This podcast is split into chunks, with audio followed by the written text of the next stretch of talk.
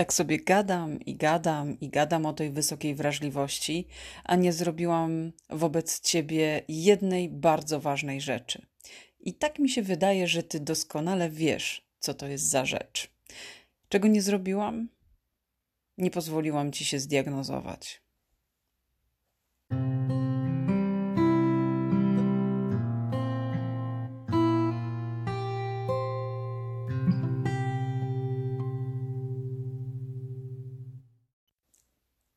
Popularność wysokiej wrażliwości jest oczywiście darem i przekleństwem. Na pewno część z Was, która trafiła tutaj do mnie na ten podcast, myśli sobie: Hmm, to ciekawe, hmm, trochę sobie jakoś tam siebie też w tym wszystkim odnajduje. Część z Was być może też ma tak, że myśli sobie: Wow, to jest tak bardzo o mnie i tak bardzo, bardzo, bardzo o mnie. Jest taki moment mimo wszystko, w którym trzeba sobie wprost powiedzieć albo jestem, albo nie jestem. I żeby było ciekawiej, 99% z nas mówi sobie obym nie była, obym nie był wysoko wrażliwy. Dlaczego tak jest i co my chcemy tak naprawdę osiągnąć tym zaprzeczaniem? Czemu chcemy uniknąć tej diagnozy? No, pewnie dlatego, że w większości jednak z naszych głów negatywne przekonanie na temat wysokiej wrażliwości jest po prostu bardzo silne. Niemniej, jeśli masz odwagę jeśli chcesz w końcu z jakimś większym prawdopodobieństwem wrzucić się do tego wora albo się z niego wyrzucić, to zapraszam na ten odcinek.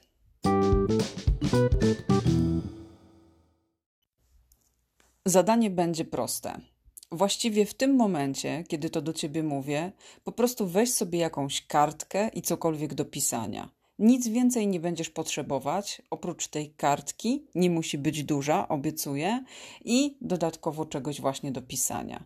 Potem przyda ci się tylko umiejętność liczenia do kilkunastu. Naprawdę, nie będzie tak źle, jak sobie myślisz.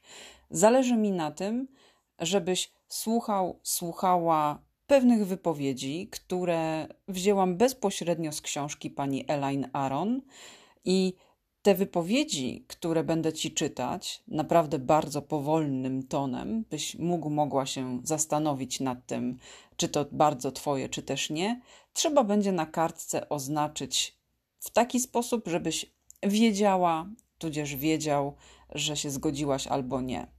Moja propozycja jest taka, żebyś sobie za każdym razem stawiał, stawiała kreskę na kartce, kiedy zgodziłaś się lub zgodziłeś z danym twierdzeniem.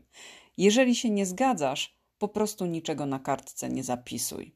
I tak myślę, przebrniemy przez ten trudny zabieg, jakim jest diagnostyka wysokiej wrażliwości. A zatem zaczynamy. Będę czytać Ci teraz stwierdzenia, a Ty, tak jak Ci powiedziałam w instrukcji, stawiaj sobie kreskę, krzyżyk lub jakikolwiek inny znaczek na kartce tylko wtedy, kiedy się z danym stwierdzeniem zgodzisz. No to co? Jest gotowość? Zaczynamy. Wydaje mi się, że docierają do mnie różne subtelne szczegóły otoczenia. Podlegam wpływowi nastrojów innych ludzi. Mam skłonność do dużej wrażliwości na ból.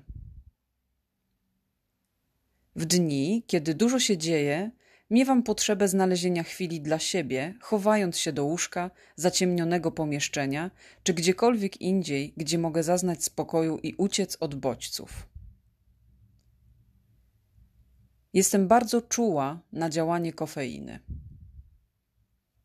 Łatwo przytłaczają mnie takie bodźce, jak ostre światło, silne zapachy, szorstkie tkaniny czy syreny strażackie albo policyjne.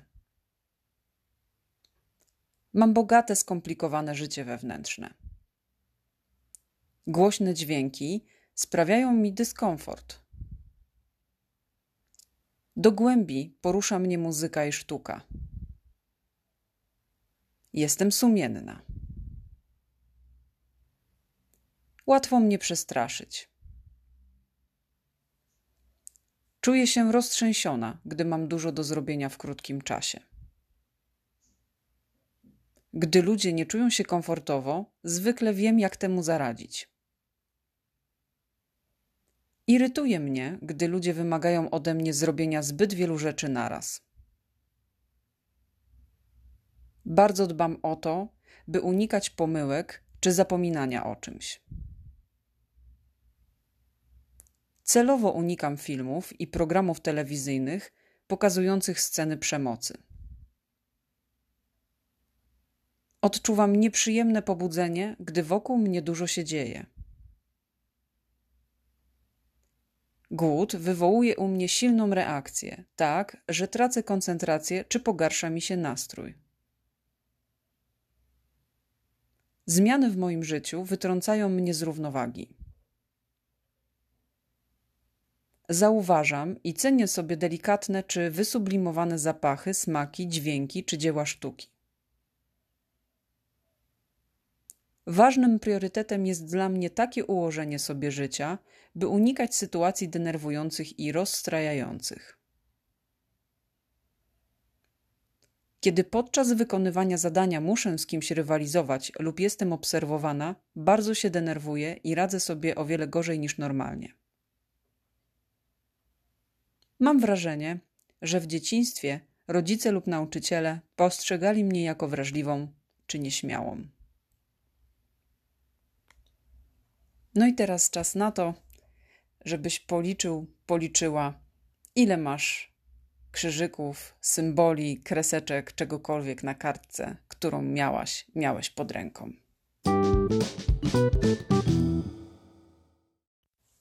Czas na wynik. Wynik tak naprawdę opisany jest w książce pani Elaine Aron w następujący sposób.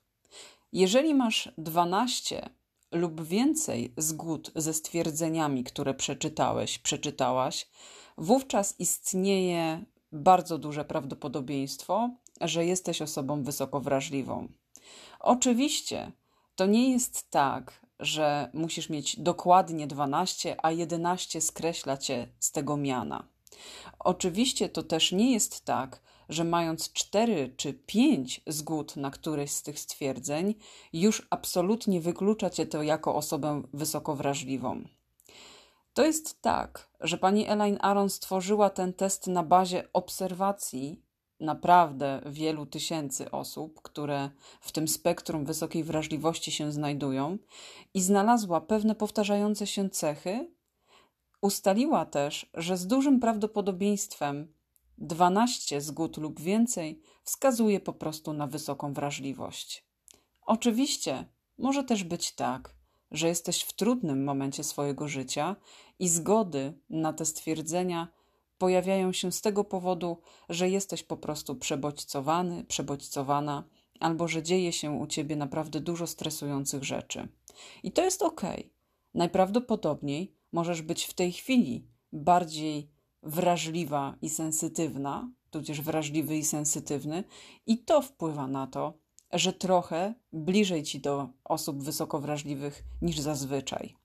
Wiesz, tak naprawdę to trochę podpucha z tym testem i z tą diagnostyką. No może nie podpucha, bo ja jestem daleka od tego, żeby robić coś po to, żeby potem cię gdzieś zapędzić w kozi róg, ale no nikt inny nie powie ci, czy jesteś wysoko wrażliwy, wysoko wrażliwa, niż ty sam, niż ty sama. Nie mogę brać tej odpowiedzialności za ciebie. Z drugiej strony, jeśli czujesz, że jesteś, a nie chcesz sobie tego powiedzieć, to czy to nie jest właśnie jakiś moment na to, żeby stanąć jakąś, z jakąś prawdą oko w oko?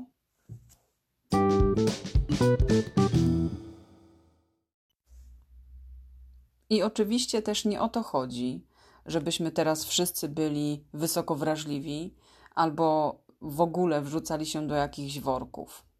Mnie osobiście diagnoza i ten test, i jeszcze kupę innych rzeczy, które przeczytałam na temat wysokiej wrażliwości, pozwoliły zrozumieć, jaka jestem, dlaczego taka jestem i dlaczego różne rzeczy w moim życiu się w jakiś sposób wydarzały.